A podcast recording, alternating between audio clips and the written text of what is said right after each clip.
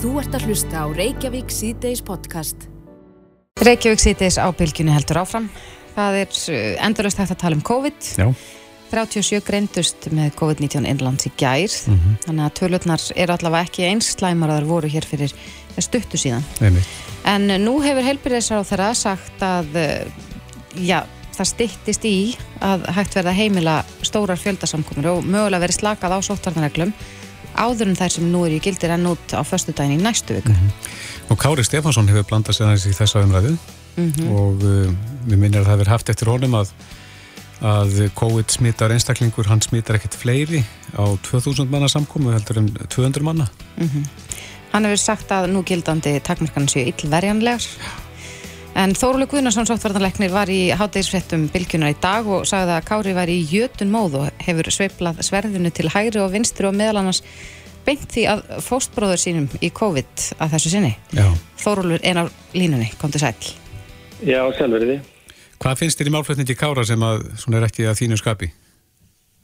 Þetta, þetta, er, þetta, er, ekki- þetta er alveg að mínu skapi, þetta er bara í, í stíl Kára, Kári er svona eh, hamleipa og, og, hérna, og hann hefur verið að gaggrína allan tíman eh, og hann hefur líka verið sammála, hann hefur verið, hann má ekki gleyma því, hann hefur verið, verið sammála því sem við gert en oft ósammála og, og, og gjarnan þá þannig að honum finnst um, við ekki hafa gripið til nógu harðra aðgerða fram að þessu. Þannig að þetta er svona alveg nýtt að hann vilji slaka á öllu en, en ég er ekkert þetta er allt í, allt í góðu lagi mér finnst þetta bara, bara áhugavert og, og, og góð, gott innlegg í umræðina Mm En þú sagðir í dag að, það, að þú teldir ekki tilefni til snembúna tilslagana.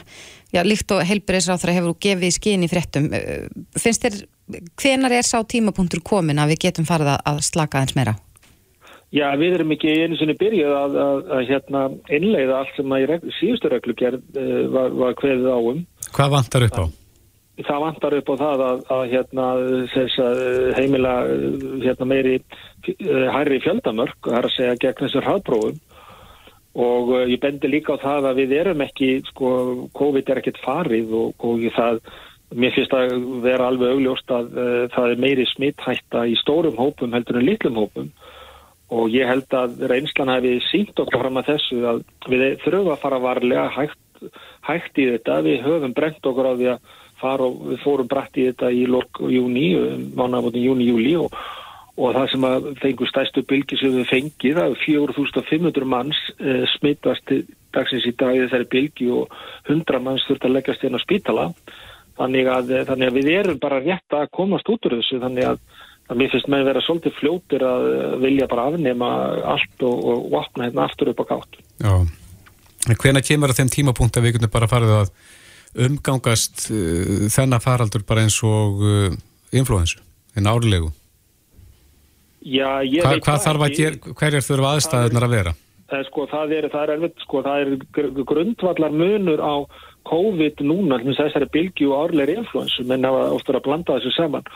Og þá vil ég benda á það að, að áhættan á því að, að, að líkast inn á spítala er tíu sinni meiri núna af völdum COVID heldur en af árleiri influensu. Þrátt fyrir þetta háa bólusetningar hlutvall?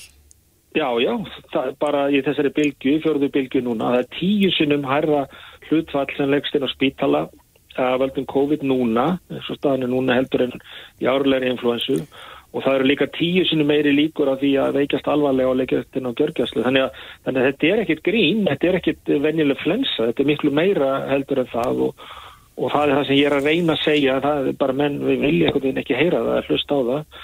Hvað þarf til, við þurfum að komast, eh, ná landamærunu betur, svona koma því í fast form, þannig að við lámörkum áhættinu því að veiran komist hér inn.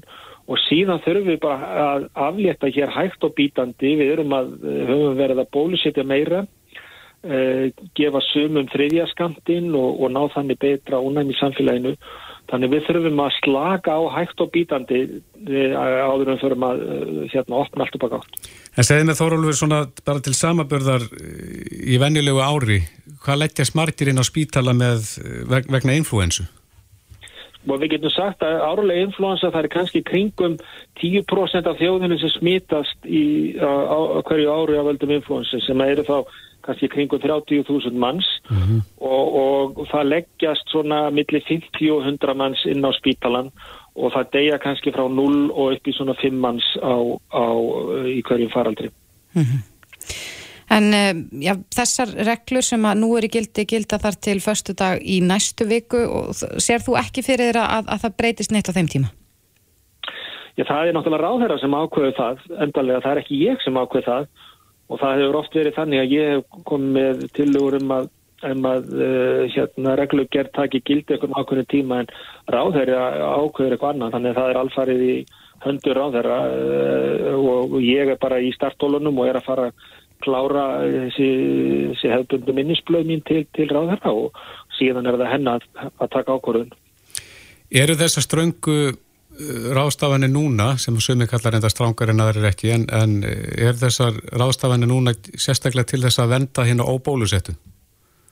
Já, þetta er bara til að venda í raun og veru þá- líka þá sem eru viðkvæmir fyrir því að það er um 60% af þeim sem að hafa greinst núna eru fullbólusettir og um það byrj helmingurinn af þeim sem að hafa lagst inn á spítala eru, eru hérna fullbólusettir. Eh, en það þýðir samt sem maður ekki það að bólusetningi sé ekki að gera neitt. Heldur er það um langt um fleiri sem eru bólusettir þannig að við miðum skoðum bara áhættuna fyrir bólusetta einstaklinga smittast og leggjast inn á spítala eða versus áhættuna fyrir óbólusetta þá er áhættan svona 3-5 sinu meiri fyrir óbólusetta. Þannig að bólusetningin er klárlega að gera sitt en, en, en það eru samt sem áður sömur sem að ná ekki að mynda, mynda það góða vend gegn bólefna fyrir geta vext alvarlega. Mm Þólu, hvernig er hlutfallið núna sem sagt, eh, eins og í gær greindust 37, þar að voru 17 bólusettir, 19 óbólusettir og 1,5 bólusettur. Já. Eru fleiri að smitast sem eru óbólusettir? Nei, það eru, það eru svona 60% hefur verið svona fram, uh, varð rúmlega 60 núna eftir að börnin fór að smittast meira að þá uh, jógst uh, hlutfall þeirra sem eru óbólusettir. Það eru svona cirka bát 60% sem eru fullbólusettir sem eru, sem eru að smittast og 40% óbólusettir. Akkurat. Þórulega Guðnason, sóttvartanleiknir, takk að þér kærlega fyrir þetta. Já, sömulegis, takk. Þú ert að hlusta á Reykjavík C-Days podcast. Reykjavík Cities, við höfum verið að fá til okkar fórustu með flokkana til þess að fara yfir stefnumál þeirra og flestir hafa nú, allir hafa nú komið hinga til okkar en eh, nú er fara að stýttast í kjördag og menn eru svolítið út á söður Akkurat. e, það er komið að þeim síðastir rauðinni að þessu sinni, það er Sigur Ingi Jóhansson ráðherra Og formaður framsóknar, framsóknar flokksins og Einmitt. hann er á línunni og ég held hans í fyrir austan, er það ekki Sigur Ringi? Jú, komið sæl, jú, ég er hérna uh, fyrir austan, er núna á í fínasta veðri en það er endar þegar ég kom inn austur þá kvarfið sér 20 stig og við erum bara 10-12 þannig að þeir býð eftir því þú farið tilbaka eftir Já, þeir hafa einhver orð á því í kæri, já. Já, já. En e, aðeins að stefnumálum framsvonarflokksins fyrir þessa kostninga, hvað, á hvað leggjið þið helst áherslu? Já, við, hérna svona, eh, í okkar megin áherslum þá erum við að segja að við séum að fjárfesta í fólki og við byggjum það á, á grunni þeirra vinnu sem að, hérna, kannski fyrst og fremst félags- og barnamálaráður okkar, Ásmundur Einar hefur verið að leggja í, í barnamálinn, þar sem að þar sem að við erum, hann hefur sett að stað svona reynsa stóra kerfisbreytingu sem hefur vakið verðskulduð aðfylli þess að halda utan um börnum okkar sem þurfa á einhverjum auknum stuðningi að halda. Eh, Þannig er kannski kerfið í dag eða var að að við erum alltaf að reyna að tróða einstaklingum inn í kerfin. Staðan fyrir að kerfin sinni hérna einstaklingum. Þannig að barnið er svolítið sett í centrum og við segjumst að fjárfyrst í fólki. Við ætlum að útfæra samskonar kerfi fyrir eldra fólkið okkar uh, og þetta byggir líka á þeirri vinnu sem hefur verið inn í mentamáluröndinu af, af liðju okkar. Þannig að þeirra. Þannig að við sem sagt erum leggja áherslu að fjárfesta í fólki og til þess að undirstryka þetta með börnin og mikilvægi þess að allir geti svona notið þess sama jafnræðis í að sinna sínum áhugamálum að þá erum við að leggja til og það er eiginlega eina útgjald á tillagan okkar svona hrein að, að ríki komi til viðbótar með svona vakstar stuðning inn í frístundir, tómstundir, íþróttastarf, listir upp á 60 krónur á hvert grunnskóla barn mm -hmm. óháð efnag foreldra eða búsettu eða uppruna eða menningu eða slíkt. Akkurat, hinga til hafa þessi frístundastyrkir tengst sveitafélagunum ekki satt, þannig að þið viljið færa þetta yfir til ríkisins og, Nei, og að allir fái... Þeir, þeir eru bara áfram þar, þetta er sagt, viðbóta stuðningur á hálfu ríkisins til að tryggja það að öll börn geti notið þessa hérna, möguleika á að taka þátt í svona starfið sem við vitum að þetta skiptir svo miklu máli fyrir vel líðan barna og möguleika þeirra að, að þroskast. Mm -hmm. Þetta er svona undirstrykun á þeirri kerfisbreytingu og þeirri áherslu sem við erum að tala um að fjárfesta í fólki. Og síðan erum við þetta líka áfram að fjárfesta í innviðum eins og í samgangunum sem við höfum lyft greittistæki á þessu kjörtimabili um, í mentakerfinu breytingar eins og á mentasjónum sem, sem hefur staðið fyrir ný mentastöfna sem var eftir einlega til 2030 uh, og þess að ég nefndi á það með okkar eldra fólk og þar segjum við reynda líka að við viljum afnema þessar aldurstengingar. Þannig að þegar þú verður 18 ára þá verður þú fullorðin og nýtur þá allra réttinda sem fullorðin er. Og eftir það er ekki mörg þannig að til að mynda þessi vinna í ríkinu þurfa að hætta 70 eh, einhver samningur var gerðið nýlega við, við starfsmenn sveitafélag og með vera til 72 og ég spurði nú bara eh, þá sem voru að segja nú frá þessu akkur var ekki 73, hverju munurinn á 71 eða 72 eða 73 við erum bara einfallega að segja aldur skiptir ekki máli það er ju heilsa, færni, vilji og geta Og hvers er að meta það? Er það starfsmæssin sjálfs að meta það? Það þarf þá að vera þetta gaggkvæmt hérna, aðunur eikandin þarf þetta vilja hafa því vinnu og mm -hmm. þetta myndi þá tengjast svona sveianlegri starfslokum tekjum það í sjöfum stjættum eru menn ef það segja búinir á því fyrir heldur en í öðrum. Og svo er bara einstaklingurinn ótrúlega mismunandi. Sumir vilja halda áfram að vinna og aðrir ekki þannig að við erum bara að segja að við erum að taka út þessi aldursmörk sem eru í, í lögum. Þannig að, þannig að við erum svona leggja áherslu á fólk og áframaldandi uppbyggingu innviða. Síðan erum við þetta með stóran kabla um, um lofslagsmálun eins og allir þar sem við erum leggja áherslu á græna fjárfestingu til þess að, að leiða okkur út úr þessu, flýta orkuskiptum á Íslandi, búa til sterkan yðurnað á Íslandi sem að geti verið að framlega rafelsniti. Við erum einstakri stöðu með okkar yfir 80% endur nýjalegu orku úr vassafli og jarðvarma. Mm -hmm. Það eru tækifæri enn frekar í, í vindorkunni og jafnvel sólarorku. Að kemur hérna fyrir östan, 70 dagar með 20 stegu sól, ef það verður nú viðvarandi. Mm -hmm.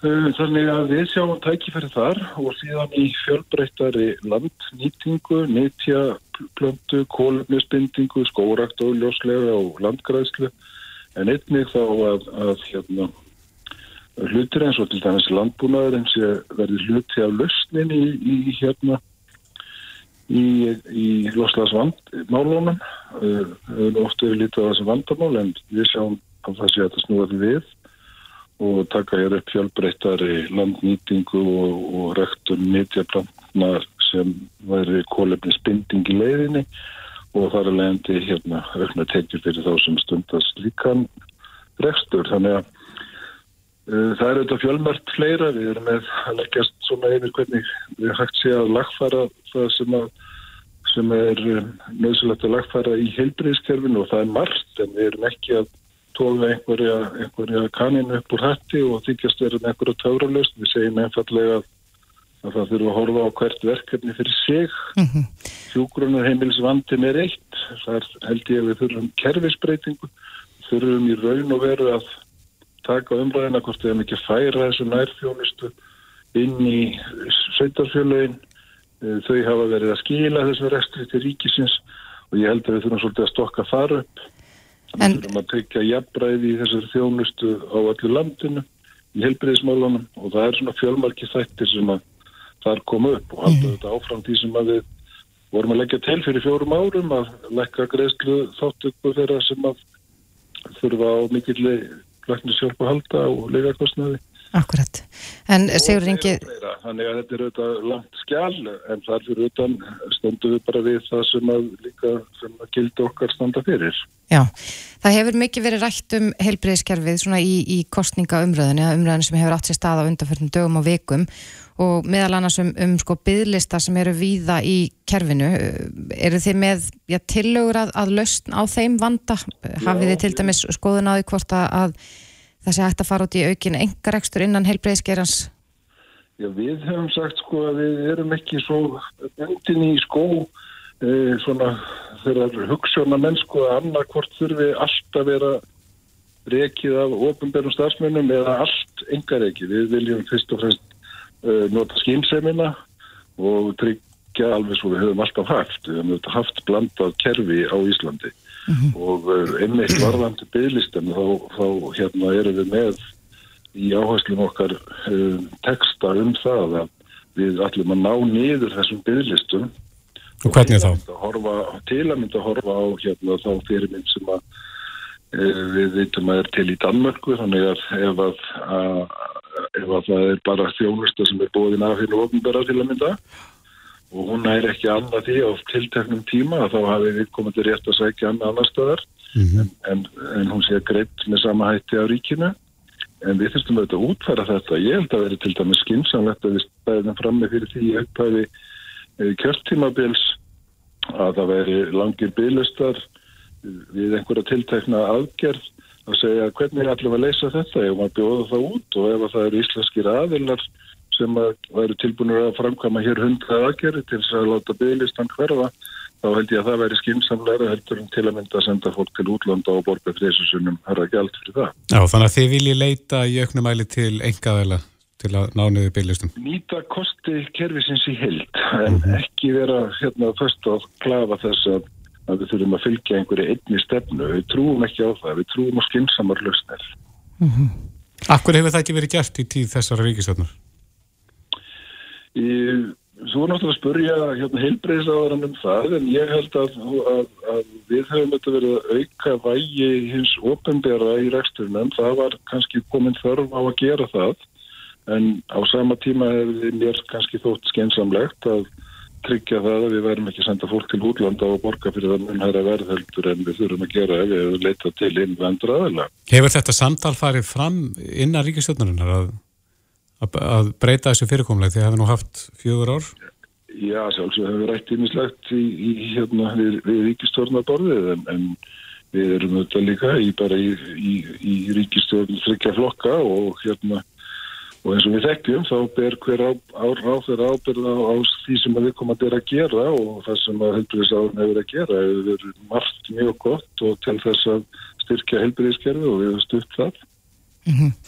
Sigur Ingi, sér þú fyrir að, að þið getið starfað áfram saman eh, stjórnaflokkarnir uh, já, ef, að, ef að kostningarnar fara þannig?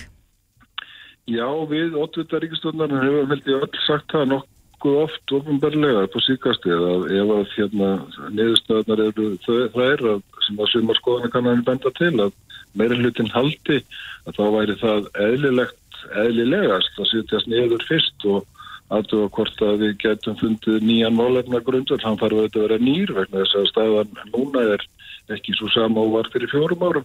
Þetta hefur gengið mjög vel, ríkistjórnin í hilsin hefur verið mjög afkastamikil og eh, við höfum náð saman um, um, um lang flest mál og þannig klárað lang flesta hluti sem að vera stjórnarsáttmálunum og það þrátt fyrir að við fengjum í fangið eins og allur heimurinn og þjóðinn alheims varaldur sem hefur nessulega tekið stærstan hluta af tíma okkar síðustu 18-19 mánuði mm -hmm. en þar hefur kannski komið ljós styrkleiki þessar ríkistörnar hvað hún er, er hérna tröst og hefur getað tekist á við hluti sem að enginn hefur séð áður og við þurftum að við raun og vera að finna upp á alls konar hlutum til þess að breyðast við sem efnæðslega aðgerið sem að ég verða að segja svo er að, að hérna hafa tekist betur heldur en maður kannski gæt vonað. En við vorum að vonast til að við værim að gera góða hluti en, en viðbröðin sem ég heyri um allt land frá ólíkum matunigreinum er að heilsinni hafa verið gengið mjög vel og við sjáum það þetta bara núna á þessum tíma að, að við erum að fara miklu hraðar upp í, í, í hérna efnæðslífinu, atunulífinu heldur en við óttuðumst og ég held að það sé til margs um að þær aðgerið sem greipum til hafi verið það réttu. Já, við ætlum að setja punktin hér en uh, við ætlum þó að reyna að fá því hér aftur uh, fyrir kostningar til að svara spurningum hlustenda. Endilega. Uh, Sigur Reyngi Jóhansson, formaður framsónaflokksins. Kæra þakki fyrir þetta og bestu hverður austur. Takk sem leiðis. Þetta er Reykjavík C-Days podcast. Já, já, við höldum áfram hér í Reykjavík síðdeis og ætlum aðeins að huga aftur að uh, kostningunum sem eru framöndan. Já, og þeir sem eru kannski óákveðnir, ættu að leggja við hlusti núna? Já, ég held að séu margir óákveðnir. Það eru, hafa aldrei verið ja, margir flokkar í frambóði. Mm Tíu flokkar. Og uh, já, allir með sín stefnumál og stefnusgrár og á, áherslur. En uh, ég rakst hér á í gær, ég var í matabóði og þá voru margir að, taka próf á netinu Já. til þess að- sjá svona hvar maður stendur í samanbyrðu við stjórnmálflokkana og frambóðin til uh, alltingskostningana núna. Já, niðurstan hún segir þess sko hvað þú uh, ert samhljóða þessum frambóðum í prósent. Akkurat. Þannig að þú sérði rauninni öll frambóðin Mm og hva, hvar, hvar þú stendur kakvart þeirra kostninga lofurðum. Já, og þú getur alveg ferðið í mínusprósentur. Ég til dæmis var bara með einn flokk alveg bara í blúsandi mínus. Já, ekki segja okkur hver það er. Nei, ég ætla ekki að segja ykkur hver það er, en, en ég get alltaf sagt að ég mun ekki kjósa þann flokk með við akkurat. niðurstöðuna þannig gær. En hefur þið gert það ef þú hefur ekki fengið þessa niðurstöðu? Líklegast ekki. Nei. En þetta er, um, þetta heitir kostningavitin og uh, þetta er hluti af verkefninu Ég kýs og hinga til okkar er komin Tinna Ísebarn, framkvæmdastjóri Landsambands Ungmennafélag, kom til sæl. Sælverði. Já, þetta verkefni Ég kýs, um hvað snýst það? Það snýst um að bræðast við í raun og veru dræmri kostningaþáttöku ungs fólks og, og leiðrætta þann líðræðis halla sem hefur orðið á milli kynnslóða. Mm -hmm. Markmið ég kýs er að ebla líðræðisvitund og hvetja ungt fólk til þess að kjósa eftir upplýstri ákvörðun. Ég vonum að kostningaþáttaka yngri kynnslóða aukist. Að, og til þess að ná þessu markmiði að þá notu við alls konar aðferðir sem, hafa, sem rannsóknir hafa sínt að virka þegar það kemur að, hérna, að auka kjórsögn. Mm Uh, við erum núna í miðri líðræðsviku í öllum framhaldsskólum þar sem að, að það er í raun og veru líðræðsháttíð í skólunum. Ég, ég veit ekki, þeir sem eru í frambóði núna hafa kannski fundið fyrir því að það er rosalega mikið um að vera innan skólan og, og margir frambjóndur hafa verið í heimsóknum hjá skólunum og mikið um að vera alls konar viðburðir og, og líðræðsfræðsla í skólum. Uh, svo endar sagt, uh, þessi líðræðsveika með skuggakostningu í hérna framhaldsskólum landsins. Og Já. það fyrir fram á morgun. Þá munu framhaldsskóla nefnendur ganga til kostninga þá eru það sem sagt, þeir sem að höfðu ekki e, í raun og vera aldur til þess að kjósa í síðustu alþingiskostningum sem að fá æfingu í að kjósa. Það er náttúrulega lærð hegðun að kjósa Veistu hvernig fyrir þetta til veistu hvernig niðurstan hefur svona verið í, í samræmi við niðurstöðu kostninga? Já, ég veit það. Eh, Það er allt saman aðgengilegt inn á hérna, jekís.is. Það var hægt að sjá hvernig þetta fór síðustu tvær alþingiskostningar. Mm -hmm. Þetta endur speklaði nokkuð veginn svona niðurstöðu kostninga. Er það? Það voru smá ígjur svona, mm fólk á það til að taka svona yktari afstöðu svona til hægri vinstri. Um, hérna, og svo er það líka ungt fólk er kannski ólíklega til þess að kjósa nýrri frambóð en það sem var kannski var aðtiklisverðast var árið 2016 að, að þá voru pírata rosa vinsalir meðal ungs fólks og voru þarna í hvað öðru sæti sem að fekst mest fylgi. Ég held að það sé algengt örgulega að, að maður litast kannski af þeim skoðunum sem eru heima fyrir. Eh, Heldur að sé ennþá þannig að, að ungt fólk er já, að kjósa það sem fóreldrarnir kjósa. Eða kannski uppreist gegn mamma og pappa? Já, kannski. Já, það er, það er algengt að ungt fólk kjósi svona, uh, svona hvað ég segja, sambarilega og fólk í kringum það sem hefur sambarilega gildi og, og í raun og veru, já, fólk sem það treystir og það er náttúrulega ekki óðurlegt við það að þegar maður er óreindur í einhver og þá leitur maður vantilega til einhver sem maður treystir og, og til þess að afla upplýsinga. En að þess að kostningavitanum, er þetta hérna vísendalega gert? Herjá, það er sem sagt þannig að við, sem sagt, kostningavitin er eitt þáttur í líðræðshæðferðin ég kýs. Og í raun og veru er þetta hjálpartæki fyrir kjósendur. Og með sérstaklega áherslu þá náttúrulega á þá sem er að kjósa í fyrsta sinn. Og þetta er sem sagt unnið fyrir okkur af félagsvísindastofnun Háskóla Íslands. Og þetta er gert annir að, að þau sapna gögnum og það er sem sagt fyrstu fimm hérna, frambjóðnir og öllum listum sem að svara hérna 50 spurningum. Og svo er unnir þessum gögnum með, með þáttakreiningu og, og svo er það þannig að, að nýðustæðin raun og verið svo að, að þær spurningar sem verður tekna fyrir þannig í þessu prófi eh, er er raun og verið þannig að, að það endur spekli í raun og verið hvaða er sem að greinir flokkana að til þess að auðvelda kjósendum að velja millir þessar tíu frambóða. Mm -hmm. Þannig að þegar maður er búin að svara þessum þrjátti spurningum og þá, hérna, þá kemur upp listi og sá sem er efstur er, er flokkurinn sem þú ert mest sammála uh, og svo serðu kvarðan sem mhm. er raun og veru ásind, félagshyggja og markashyggja, alþjóðhyggja og þjóðhyggja og þú serð hvar þú ert svona staðsettur í samaborði við e, frambóðin þá svona hugmyndafræðilega séð. Mm -hmm. Þannig að þetta, tilgangunum með þessu er bara til þess að hjálpa fólki að taka ákvörðun vegna þess að við erum núna að drukna í upplýsingum. Þetta á að vera viðbót við hérna, allt sem maður aðblösu sjálfur og svo líka bara horfum ára fréttir og þá er ungd fólk hvatið þess að nota allar þar leiðir sem að eru í bóði til þess að taka upplýsta ákvörðun. Mm -hmm. Hvað er langt síðan að þið fóruð á stað með kostningavitana að fólk að byrja að svara könnunni? Kostningavitin fór í lofti núna á mánudaginn í upphaf líðræðisvíkunar í framhaldsskólum. Vitið þið hversu margir hafa tekið þátt nú þegar? Við veitum ekki Eh, ekki núna, en við fáum að vita það hérna, eftir alþingiskostningar en það hefur verið þannig í síðustu tvö skiptið, þá er það um 30.000 sinnum sem að kostningavitin er tekin mm -hmm. sem er náttúrulega bara frábært og það er bara, gleður okkur mjög mikið að, að kostningavitin er að hjálpa almenningi en hérna og við veitum mörg dæmi þess að kostningavitin er notaður í kennslustundum í, í stjórnmálafræði og lífsleikni og þar fara fram ótrúlega skemmtilegar umræður. Þetta er náttúrulega líka, markmiðið er líka að gera þetta skemmtilegt og, og opna fyrir skemmtilegar áhugaver umræður þar sem maður eru tekið fyrir spurningarnar svona hvað dýðir þetta? Mm -hmm. þarna er alveg flókin hugtök sem að, hvað ég segja maður er kannski ekki alveg með á hreinu hvað þýðir sko. Þannig að já. Akkurat, já þetta er spennandi, Við, það getur, geta allir tekið uh, þetta, að tekið kostningavitan inn á jekís.is og við kveitjum alla sem eru óákveðnis eða jafnvel ekki til þess að fara þann inn og, og taka þátt. Tinna Ísibarn, framkvæmdastjóri Landsambands Ungmennafélag, takk kærlega fyrir komina. Takk. Reykjavík síðdeis á Bilginni podcast. Reykjavík sýtis á bylgjunu heldur áfram.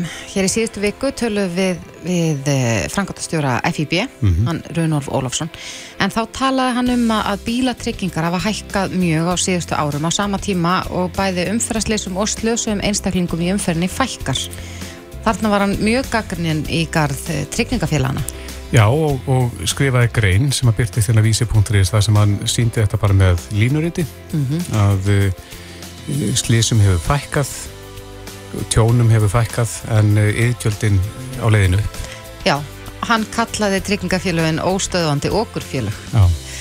en í dag byrtist önnur grein uh, á vísi.is þar sem að já, þetta eru viðbröð við aðtöðasöndum FIB og það er hún Katrín Júliusdóttir framkvæmdastjóri samtaka fjármálafyrirtæki sem er reyta greinina og hún er hingað komin, kom til sæl. Takk, sæl. Já, þetta eru viðbröð, þessi grein eru viðbröð við orðum framkvæmdastjóra eh, FIB í raun og veru bara það, það sem að, þar kemur fram uh, getið þið útskýrt þessa hækkun uh, á meðan að allt hittir á niðurlið? Já, svona, viðbröðin eru kannski fyrst og fremst þau að, að það var dregin upp svolítið einn einhlíða mynd og í raun og veru mynd kannski á stöðunni sem að, að þarf aðeins að útskýra betur mm -hmm. vegna þess að vátryggingar eða tryggingar og svo byrjatryggingar er ekki bara vennuleg hilluvara það sem að vegur þar inni eru hérna, það eru flóknir útrekningar hérna baki vegna sem menn þurfu þetta að geta greitt kröfurnar eða vendar kröfur sem að, að munu koma á félögin vegna tjóna. Og það sem að vegu miklu þingra heldur en vísitala neystluvers að undir henni er hellingur að liðum, þetta er bara að karfa af alls konar liðum. Og það sem vegu miklu þingra er, er vísitala launa sem að hefur hækkað á þessu sama tímabiljum 69% sem er mhm. tölverst meira heldur en yfkjöldin og líka til dæmis bara sem dæmi að þá hafa hérna, viðgerðir á bifriðum hérna, hækkað um 45% á þessum tíma. Og þannig að það er miklu næra því þetta eru liðir sem að skipta máli þegar kemur að yðgjöldum og þar er hérna til dæmis ástæðan fyrir því að launaliðurinn skiptir svona miklu máli er, er svo að, að hér á landi búum við við daldi öðruvísu umhverfi heldur en til dæmis á Norrlöndunum uh, í Danmörku til dæmis að þá er ekki greitt fyrir lík uh, hérna örorkumat vegna líkamstjóna sem er undir 15% en við gerum það hér á landi. Og 75% til dæmis af öllum bótagreislum vegna líkamstjóna er vegna líkamstjóna sem eru 15% eða læri mm -hmm. og þetta þýðir það að við hérna, það þarf að greiða það, það er þá inn í yðgjöldunum og þess vegna skiptir launaliður máli vegna þess að greiðsla fyrir þessi líkamstjón byggir á því, þessi, þessi örorkumöð byggir á því að þetta er þá vænt tekjutapp og þá er verið að taka mið á launum og launathróun þess vegna er það liður sem skiptir miklu meira máli. Og svo er það bara þannig að ef þú rínir í til dæmis árskýslur uh, þessara félaga þá er brotið þar niður hver afkoma einstaka hérna, þátta í starfseminni er og þar er alveg ljóst að aukutækjatryggingar ekki, hafa ekki verið að skila hagnaði til þessara félaga á undarförnum árum og heldur eru það aðri þættir eins og til dæmis fjárfestingaignir og, og, og annað slíkt. Þannig að þess að lögbóðnu tryggingar að það er augljóst að þeir, ef þú bara skoðar, skoðar ásverfingana, menn halda þeim eins lágum og, og mögulegt er. En það eru tækifæri til þess og það er það sem við myndum alveg vilja ræða við til dæmis FIB og neytandarsamtökinn og stjórnvölda. Það er að ræða, viljum við hafa það þannig að sérstaklega í ljósi þess að það er nýjútkomið rannsók sem að profesor Guðmundur Sigursson uh, lagabrófsór hérna uh, kynnti fyrir stuttu síðan sem að sínir það að þeir sem að fá metna varalegu örorku og er að fá metið vant tekjutab byggt á því inn í langa framtíð að þeir séu raun og veru ekki að verða fyrir því fjártjóni mm -hmm. uh, og því tekjutabi eigum við ekki að ræða það hvort við viljum breyta þessu og kannski færa okkur nær því sem gerist í kringum okkur vegna þess að þetta vegur mjög þungt í í hérna, þessum útreikningum allir saman. Þannig að við viljum gerna fá að ræða bara án gífurur það um okkur og annað slíkt. Þá viljum við bara fá að ræða efnisatri máls og staðarindir og reyna kannski að finna einhverja leiðir áfram sem að, að geta orðið til þess að neytendur hér á landi uh, greiði minna. En hafið þið sest niður með FIB og farið yfir þessi mál? Eh, nei, það sem að ekki. Það verðist vera mikil djá á milli, það sem að þú segir hér og Já. það sem að Raunólur skrifar. Ekki nýlega, en hérna vonandi verður úr því núna á næstunni. Mm -hmm. Og þetta er líka, og ég auðvitað bara við fögnum því að fá ræðum tryggingar vegna þess að þetta er náttúrulega hluti af og tryggingavernd á Íslandi er mjög rík. Hún er mjög rík í, og hér er mjög þroskaðu markaður sem þýðir að við erum, að, við erum mjög vel, bísna vel tryggð hér á landi og þannig að við eigum auðvitað að ræða mér um þetta og það er ekki tala nú mikið um tryggingar að, að okkar mati. Þannig að við fögnum auðvitað allir þessari umræðu en eins og lífi sjálft að þá er aldrei ein hlið á, á penningnum heldur eru þær, eru þær tvær og jápil fleiri, kannski frekar að segja tening í þessu tilfelli. Og, hérna, og þetta eru mikil fræð á bakvið þetta vegna þess að síðan líka eru þetta mjög mikið hérna, eftirliti í kringum þetta og regluverkið er mjög strámt. Þannig að, að menn þurfu uppfylla, það eru gjaldþólskröfur og, og svo framvegi sem að menn þurfu uppfylla og, og mm -hmm. í þessu umhverfi. Og við eigum að, að vera óhrætt við að ræða líka breytingar eins og til dæmis þegar kemur að skadabótalögunum sem að gera þá kröfu um að, að ef að þú verði fyrir líkamstjóni til dæmis upp á 3% og þá eigir að fá hérna það bætt eins og að þú sért að missa tekjur upp á 3% af, út æfina mm -hmm. þegar að kannski raunin er ekki alveg, alveg svo en þar með er ekki verið að segja að þú er ekki að fá greita miska því að sannarlega verður fólk sem að verður uh, lendir í þessum slísum það verður fyrir einhverjum tjóni. Já. en það er þá kannski freka miski heldur en, heldur en uh, varanlegt tekjutap. Og, og þetta viljum við með, frekar skoða á dýftina. Og viljum þá gera það bara með hérna opnum hætti og, og, og ræða við þá sem að í hlutega. Já, við vitum það að við þurfum öll að tryggja, það, það er eitt, eitt af því sem að við verslum öll við tryggingafélag, að hann talar um að það er engin samkeppn á milli tryggingafélagana að það sé í raun og veru bara svolítið stöðnun á markanum að, að það er lítill markaður sem við höfum hér. Hvað geta neytendur gert til þess að já, vera sem best treyðir á sem ódýrastan máta? Ég held að samkeppnin hafa aldrei verið meiri en akkurat núna vegna þess að það er ekkit mörg ár síðan að í raun og veru lögu var breytt þannig að, að, og umhverju breyttist þannig að þú getur í raun og veru skipt um vátrygingafélag í hverja meinasta mánuði. Þú veist, þú, þú hefur, við neytandin hefur rosalega mikið frelsi til að hreyfa sig og það er þetta að gera þetta með hratt og það er þetta að gera þetta stafrænt.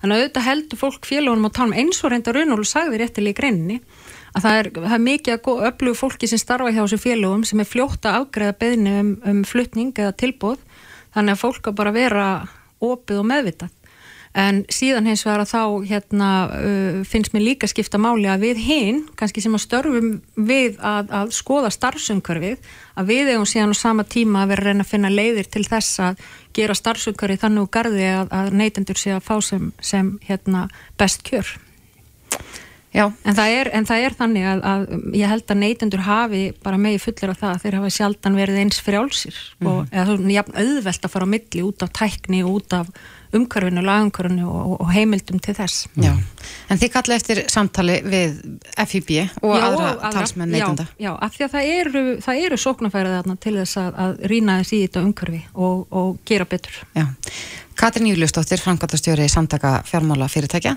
Takk kærlega fyrir komuna. Takk fyrir mig. Reykjavík síðdeis á bylginni.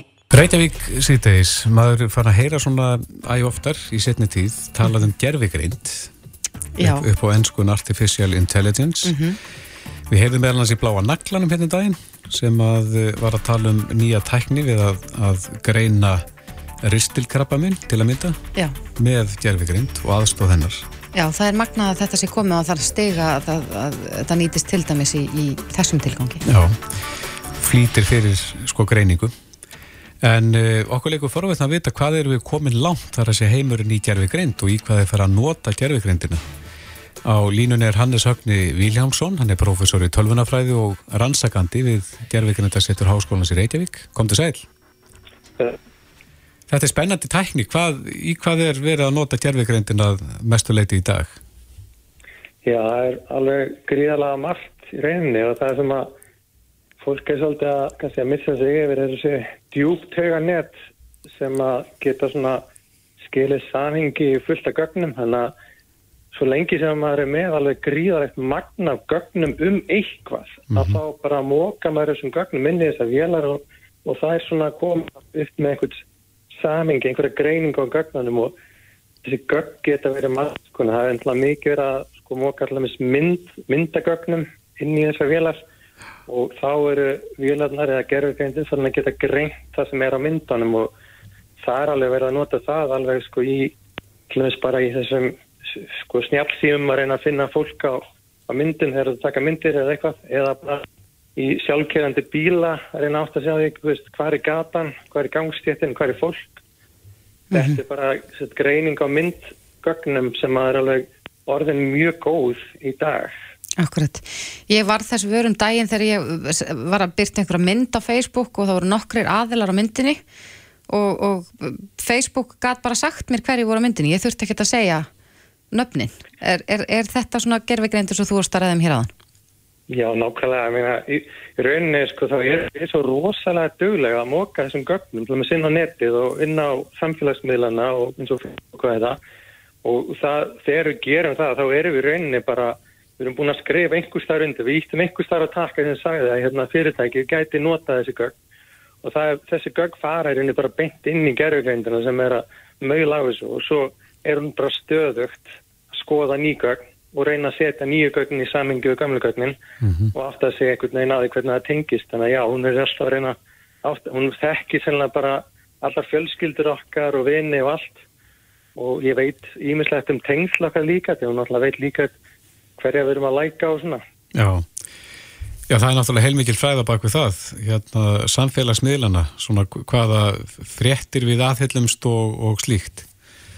Já, það er náttúrulega, hún er stöðet í gangi að reyna að finna svona einhver tengsl og svona einhver minnstur mm -hmm. og, og þegar hún sér minnsturinn að þá vil hún einhvern veginn svona leggja það meira áherslu á þessi minnstur fyrir einhvern önnur og veist, hún svona, þetta er náttúrulega kannski það sem við erum kannski smækust við að, að, að hún er reyna bara finnur þessi minnstur sem eru til staðar og svo grefur hún okkur dýbra og dýbra inn í þessu minnstur í staðan fyrir að koma með einhverja nýjar hugmyndir.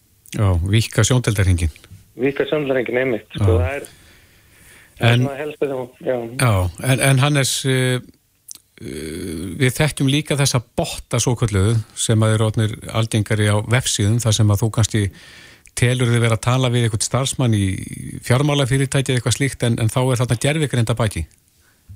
Já, og mikið af þessu sem er núna í gangi er svolítið að byggja þessu sömur með að hérna, bara finna þessi minnstur af, af einhverjum óknum af gögnum þannig að það er kannski ég er búin að skoða rosalega mikið af samskiptum á milli viðskiptavina og svona einhverja hjálpalínu eða eitthvað svona mm -hmm. og bara lærir einhvern veginn inn á þessi minnstur í samskiptanum og er síðan bara að taka þátt í þessu við næsta viðskiptuna. Þetta er rosalega mikið af sama sem er alltaf komið upp aftur og aftur og og þá detta þið bara inn í þetta sama minnstur og það, maður tekur ekkit eftir þess að þetta er bara mjög keimlíkt allt saman. Um, þannig að þetta er svona kannski en, en síðan eða þú ferði eitthvað aðeins út af spórin eða þú ferði inn í eitthvað átt sem hún ná ekki alveg óan á það er svona fljóð komin út í eitthvað sem hún ræður ekki við. Og það er nú reynda að sko flest þessi kerfi núna held ég sem eru svona eitthvað að vera að nota í alvörina þá er manneska líka hann ekstra bakvið sem að fær bara vita af því þegar gerðugöndin ræður ekki við þetta Já, grýpur þá inni, inni. Mm -hmm. Já, stekkur, já, og það er raunin með þetta allt sko, það er gerðugöndin nærinu bara ákveðið langt og það þarf eiginlega að koma einhver mannsend inni á einhverjum tíanbúndi þegar þetta er svona, það lendur utan gagnana í rauninni mm -hmm. og langt utan þeirra Akkurat, en Hannes heldur að þetta, þetta hefur auðvitað haft töluverð áhrif á atvinnulíf, heldur að það muni gerast í auknum mæli í náinni framtíð? Já, þetta hefur áhrif, þetta, þetta breytir í mörgum störfum en hérna, þetta er ekki þannig að við sjáum fyrir okkur þetta sko leysa á hólmi fólk í rauninni það, það, það breytist eins og segi það er kannski í rauninni þá, þurfum við kannski uh, fólk með kannski aðeins aðra mentin eða reynsli við bara eiga við gerfugreindina að, hérna, að vinna með henni og, og svona láta gerfugreindina svona hvað ég segja svona hjálpa sér aðeins um, en það kemur ekki held ég verður ekki þannig að fólk missi vinnina bara sko í stórum hópum mm -hmm. um, og það er einnig þannig minna, það, við erum alltaf rosalega spenntur við sjáum bara eins og þessar greiningar sjálfurku greiningar sem við erum að tala um um, svona eins og læknisfæðilegum gögnum eða slík en hérna við sjáum líka að það er það er ekkert verið að treysta þessum hlutum 100% það er það er, það þarf alltaf að fara yfir þessa hluti. Uh, þú, þú, þú treystir ekki blind á þetta. Og, og þá er bara þá, þá þurfum við áfram sérfræðinga sem er að reyna átt að sjá hlutum og, og lesa í niðurstöðuna sem koma út úr þessu. Mm -hmm. Verður gerðurgreindin það öflug uh, í framtíðin að, að hún á að þróa með þessi tilfinningar? Já, það er náttúrulega, það eru sjálf og sér, það er skilgringar aðrið, hvað skilgrinum sem tilfinningar en það er náttúrulega Eh, ég hef vunnið með eh, rannsóknarhóp sem eru fyrst og fremst að skoða tilfinningar og þá framsetningu inn í gerðugreind og það er alveg, sko það, er, það má segja sko að það sé rauninni lengur komið sko eh, og það er, það er samræði gerðugreind sem að getur fundið til með þér og hérna... En getur hún orðið reyð? Já, hún getur orðið reyð, já, nokkala uh, og við nefndum verið að skoða þetta mjög fróðilegt að búa til líkuna manneskinni tilfinningu manneskinar og hugsun manneskinar bara til þess að svona prófa alls konar svona sviðsmyndir og, og hérna við notum þetta til dæmis í að þjálfa þess að það er komin þessi tekno og ég er mann vel að vinna í þessu að, þjálfa rauninni gerfugreind um, sem að getur hjálpaðu kennslu uh, mm -hmm. til dæmis þeirra sem eru að, að eiga við kannski erfiðar aðstæðis og þá er rauninni gerfugreindin að leika hlutverk þessar fólk sem að þú þarfst að eiga við og, og þá þetta þarf maður að mótilera hluti eins og að vera reyður og, og breyðast illa við eða þú gerir eitthvað rætt. Mm -hmm. Það hefur líka stundu verið í umræðinni kringum gerfigreinda að já, gerfigreind geti til dæmis bara uh, verið fordómafull eða mm -hmm. annað þannig ef það er til dæmis mjög einsleitur hópur sem er að þróa gerfigreindina. Hefur áhyggjura af, af þeirri þróun? Ég, já, ég hef áhyggjura því. Ég hef ekki endilega áhyggjura því að tölunafræðingarna séu ykkur ákveðin hópur kannski, sem, en, en þannig er ákveðin hópur, það er alveg rétt, en það er líka gögnin sem að hérna, tölunafræðingarnir móka sér inn í líknin, að mm. þau koma kannski úr einhverjum ákveðnum svona hópi sem að er bíast, þannig að ég held að þetta sé alveg rétt sko að hérna, við þurfum að fara rosalega valega á því hvernig gögn við setjum inn og við þurfum eiginlega svolítið að, að greina þessi gögn, við þurfum að skilja gögnin og skilja kannski hvað þessi bías liggur og við þurfum hreinlega, sko, held ég mörgum að leiðrétta fyrir slíku. Mm -hmm. Þannig að hérna, ef við bara höfum vakandi auða með þessu þannig að þetta eru kannski, þannig að þetta verður þetta ekki bara tölunafræðingar sem verða að sinna þessi framtíð, þetta verður auðvitað svona einhvers konar bara sérfræðingar í svona, hvað ég segja, um, bara gögnum yfir höfuð að, hérna, og svona bara upplýsingum mm -hmm. að hérna, fara svolítið í þetta og tjúna þessi kerfi. En hann er rétt aðeins í lokin. Uh, við, hefur hægt á þessari þróun eða er, er von á einhverjum svona stórum fréttum af gerðurgrindin á næstunni? Sko þetta hárinu verið bara sko margar stóra fréttir svona undanferðin ár eða svona 2, 3, 4 ár þar sem þessi djúptöganett fóru bara alveg gríðalega, örðilega, gríðalega öflug og velbúnarum var það bara orðin það sterkur það verði að gera náttúrulega hvað sem er. Þannig að og þá kom fullt af svona stórum fréttum svona sjálfkerrandi bílar og þetta. En það er aldrei finnst mér núna að það er, þú veist, fólk er að rekast á vegg sko, það er Mér finnst það svolítið þannig að fólk er aftur sig á því að hérna, þessi rosalega gerfugreint, hún er kannski ekki alveg eins rosalega og var lofað. En þú veist samt, við erum komið rosalega langt, en þessi, þessi 5% sem við þurfum að laga til þess að við getum sett bílana bara út á almenna götur, það er svona, það þarf svolítið að liggja við því. Þannig að ég á kannski vonaði að takja önnur tíu ár kannski. Mm -hmm. Hérna, við fyrir virkilega að sjá þessa sjálfkjörandi bíla bara út um allt. Já. Hannes Högni Viljámsson, profesor í tölvunafræði og rannsakandi við Gervík reyndarsittur Háskólans í Reykjavík. Takk að kella fyrir þetta. Takk fyrir. Reykjavík síðdeis á Bilginni podcast. Reykjavík síðdeis, það er nú mikið talað um öryggi þegar það kemur að ferðalögum mm -hmm. hérna innanlands og uh, við hefum haft haug í horni þegar það kemur að Save Travel verkefninu hjá Slísafannafélaginu Lasbjörgum. Akkurat, eins og núna, ég meina það er hlaup í, í skaftá mm -hmm. og, og það er verið að vara ferðamenn við á því svæði, svo eru þetta virt eldgós hérna á Reykjanesunum, þannig að maður þarf að, að hafa varan á, á ferðalögum og Safe Travel vefsíðan hefur hjálpað mörgum sem hafa verið á, á ferðalagi hér um landi, en nú skilst mér að það sé komið app. Já. Jónas Guðmundsson hjá Slísavarnafélaginu Landsbjörgar og Línni, kom til sæl. Já, komið sælbless. Já, appið, er, er þetta komið í loftið? Þetta er komið í loftið að hérna við frumsýndum þetta í gær eða gáðum þetta út, ná veit, veit maður ekki hvað, maður, hvað orðalega maður á að nota þegar maður gefur út svona app. Nei. En við erum búin að vera vinnit í á annað ár e, með stokki og, og sjóvá mm. sem, að, sem að kemur stertinn í þetta og fyrsta útgáðan er að koma út núna mm. og þar erum við að horfa veginna til að byrja með. Þannig að þú setur bara inn raunverulega appið eða forritið er á íslensku og ennsku og þú setur bara inn eh, hvert þú ert að fara að keira segjum bara höfn eða akkur eða eist það skiptir ekki máli mm -hmm. Þá ferður bara upp á korti aðstæður bara í raun tíma. Þú bara setur síman eitthvað frá þér og keirir eftir veginum og þú sérð strax á kortinu hvort það er hálka eða hvað er sem að mögulega þú ert að hafa í huga og svo færður meldingar eftir því sem hún nálgast kannski segjum vindkviður eða hálkubletti eða hvað sem það er. Þannig að þú færði í rauntíma upplýsingum svona það er upplýsingum sem þú þarf til að hægja á þér eða hafa varan á þér ánþess þó að þurfa að taka neitt aðtiklina frá afstrunum Verður appið að vera opið í símanum?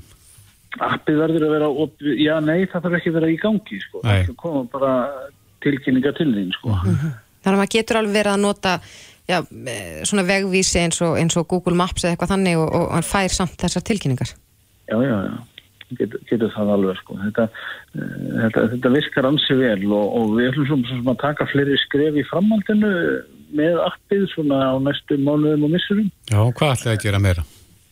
Við ætlum að bæta kannski inn e, þar sem maður var einni tveir Æsland appi þar sem við getum bara veðmulega svona eh, farið í gönguferð og mert inn svona bröðmóla og kalla eftir aðstóð og þá sjáum við staðsendingu þína og, og bæta enn betur varðandi aksturinn. Mm -hmm. Þannig að þetta á svona vera geta verið enn eitt hjálpatækið undir þessum seilt hraðið hatti til þess að til þess að fyrir það. Akkurat.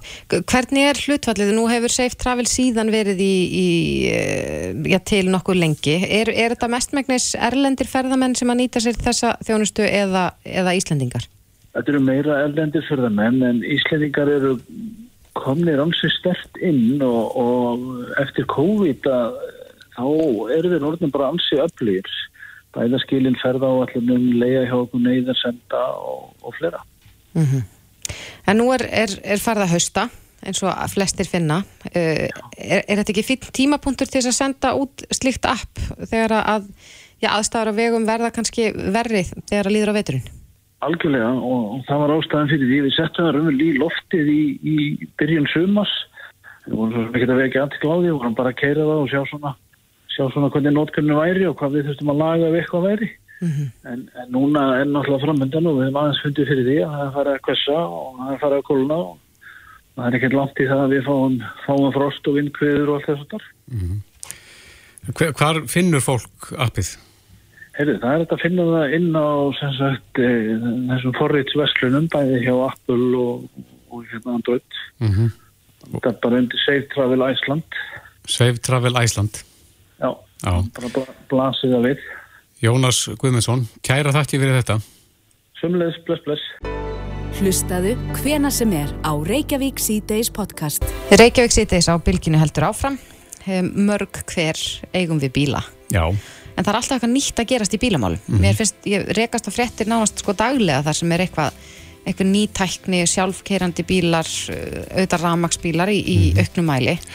En mér skilst það núna um helgina hafi verið bílasýning í München, stór. já, þar sem að- að, já, svona flestir af stóru framleiðendunum voru að, að kynna eða svona sína spilin. Uh, Volkswagen er að kynna einhvern nýjan uh, ID Life tilraunabíl. Já, hvernig bíl er það? Já, þetta er svona lítill smábíl sem mun koma á marka árið 2025 og, og þetta er það er einhverja nýjungar þarna. Og svo rakst ég á aðra áhugaðarfrétt og þar kemur fram árið 2025 muni koma á eh, götuna. Sjálfkeirandi Volkswagen bíl sem er svona deili bílategund Já. þannig að bílinn bara svona sækir þið heim og, og sækir svo kannski eitthvað annan í leiðinni sem er á leiðinni líka nýra á Suðurlandsbraut eins og þú. Já, og sem þú þekki kannski ekki neitt. kannski ekki neitt, þetta er svona eins og strætur sem sækir upp á dyrum nánast. Já, ég skilði því. Þannig að það er greinlega ímislegt að gerast í uh, bílaheiminum Nú finnur Orri Tólasíus, bílasérfræðingur, sem að við hún oft rætt við en bíla er á línunni, kom til sæl. Já, komið sæl. Er þetta spennandi tímar í svona bí bílamálum? Já, ég ætla með að segja að, að, að þessi tíma núna séu miklu meira spennandi heldur en kannski fyrir 5 eða 10 ára síðan því að, því að það er náttúrulega alltaf að gerast í þessari rannaðingu. Og það er alltaf einhvern veginn að verða líka sko, umhverfisvætna, það er auðvitað að tala um ramagsbílana en síðan í þessum nýja bíl frá Volkswagen að þá er já, einnig mikil áherslu lögð á endurvinnanlega efni, sérstaklega innréttingu bílana, þannig að eh, eru bílaframlegundur að færa sig úr plastinu og, og svona í já, grænni lausnir? Já, það er að gera það. Maður sé þetta meira og meira í, í bæði innréttingum bíla sem að alls konar efni, endurlítalega efni eru notuð og, og hérna allt bara nýri einhverja sko, hérna notar jókustósir og en hérna allra, allra handa efni og, og hérna svo er náttúrulega alltaf verið að reyna að létta bílana og ekki síst á þessum tímu þar sem að, að sko ramaspílanir er með svo fungar rafleður að, að það er allt reynd, reynd til þess að létta og þeir eru í raun sko talsað þingri heldur en, heldur en bílar síðustu kynsluða. En En hvað, hvað er það nýjasta svona sem að við kannski vissum ekki um? Já, sko, alltaf nýjasta raunverulega var til sínisatni München og daldi, daldi skemmtilegt að, náttúrulega með þessa síningu að þetta er fyrsta síningin sko eftir COVID. Já. Það er bara frest, frestaði mannsi mörgum. Frankfurt og, og Genf og, og Tóki og, og ég veit ekki hvar og hvar. En núna lóksins kom síning sem, sagt, sem byrjaði núna sjönda, það var nú daginn áður þá voru, var fjartamannum hérna hleyft inn og, og þeim hleyft að að skoða að kærlega heitin. En þetta er náttúrulega meira og minna allt ramaspíla sem erum að sína á. En til dæmis eins og var nefnt á það með, með hérna, þennan ID-bus frá Volkswagen sem að, sem er sjálfkerandi. Það á reyndar við ansi marga, flestir, flestir þýskubíli framdinu og reyndar eh, hérna, japansku líka konum mjög langt í þessu og ég raun svo langt að þessi bíla gæti alveg keirt sko, án aukumars. En er, er íslenska tilbúin, tilbúið fyrir svona sjálfgerandi bíla? Nei, sjálfur sér ekki merkingar og bæða á vegum og, og, og hérna, og merk, alls konar merkingar eru nú í sjálfur sér ekki mjög fullnægandi fyrir þessa bílar. Þetta væri auðveldara, eh, myndi ég til dæmis halda í Þískanandi. Það sem þessi hlutir eru í lagi? Það sem þessi hlutur er miklu meira læg. Já, það er talað um þennan, þennan deilibíl uh, í fréttablaðinu um daginn og það er talað um að eins og að Hamburg í Þísklandi verður fyrsta borgin þar sem bílinn verður prófaður. Já, þetta veldur daldi á lögjáðanum. Málið er að, að það voru gerðar prófanir, ekki síst á Tesla bílum, það voru nefnda fleiri merki sem að hérna fengu leiði á ákveðnum svæðum, landsvæðum til þess að prófa svona bíla. Og það hérna varð uh, tölverta slísum í, í, í kjölfarið. Og hérna og lögjafinn drópaldi í land mjög víða og, og hérna þetta er í raun ennþá sko bannat þannig að það þarf einmislegt gott að gerast til þess að, að, að lögjafi hverju landi leiði svona Mhm. en ef að Hamburg ætlar að ríða á vaðið þá er það mjög gott, það þarf einhver, einhver að prófa þetta Akkurat. En sérðu fyrir að þetta, þetta sé framtíðin í, í svona hálgerðum almenningssamgöngum. Ég veit að, að, að, að já, það hefur verið, að Volkswagen hefur stopnað fyrirtæki svona til höfuðs Uber og við þekkjum auðvitað Uber þó að það sé ekki til hér. Já, já.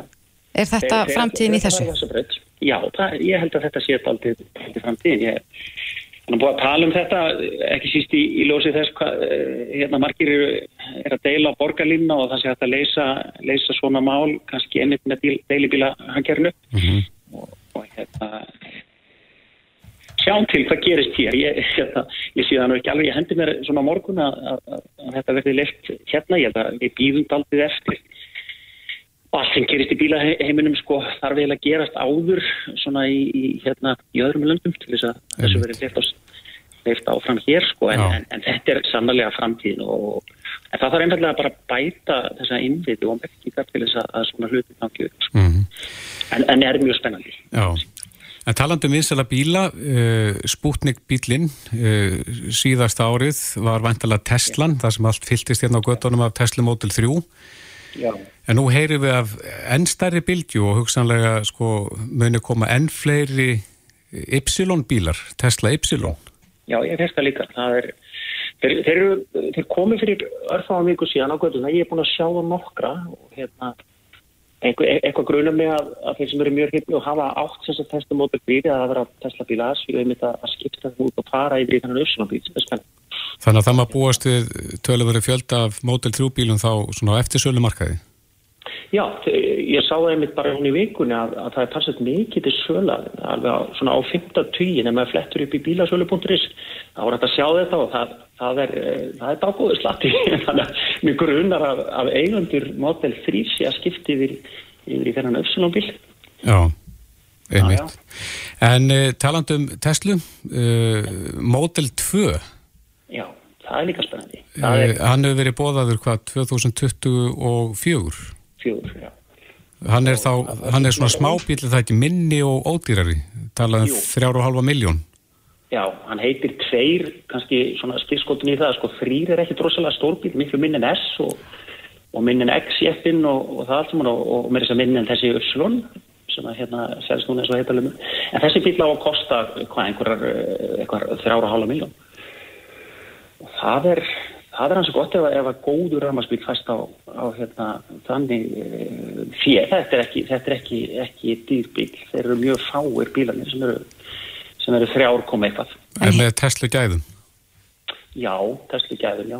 En hefur ekki Það líka finnur verið ákall eftir því, já svona fyrir svo frá almenningi ef að orkuskiptin eiga eiga sér staða að þá verður að vera valkostur fyrir þá sem að hafa ekki efna á dýrar rafbílum? Einmitt, þetta er kannski, þetta er kannski einmitt alveg frábært útspil eh, þarna vegna þess að sumir hafa verið að nefna eh, sem er kannski ekki alveg rétt að sé mjög dýrt að, að heyrði einmitt yngur sælar nefna þetta sko að eh, er það bara ríka fólki sem á að fara í, í hérna í ramaspílana en ramaspílar eru bara ekkit mikið dýrari heldur en ennlega bílar. Nei, og, og svo þegar þessi kemur þá, þá, þá nánast getum við bara, bara sagt nei, þeir eru ekkert dýrari. Nei, akkurat. Og jáfnvel ódýrari. Og já, með lótiræði Einmitt. Svona með að við stærð og, og, og, og það, þú fært fyrir pen þannig að, að hérna, Elon Musk hann vildi nú reyðja þessa braut og þegar hann bóðaði Model 3 bíli þá var það einmitt eh, svona í þessu þessu augnamið, þetta er svona daldið eins og, eins og þegar Ford kynnti, T-Ford sko, og þegar Volkswagen kynnti Björn, þetta átti að vera bíl fyrir almenning. Sem að hérna þetta er svona íkæða hugsun líka það sem, hérna, sem eins og yngar kampar hugsaði að, að hérna eh, fáum bara öll þessi gæði til almennings Já, þetta er, það eru spennandi tímar framöndan greinlega í bílaheiminum. Finnur Torlasíus, bílasérfræðingur. Takk kærlega fyrir þetta. sem leys Þetta er Reykjavík C-Days podcast.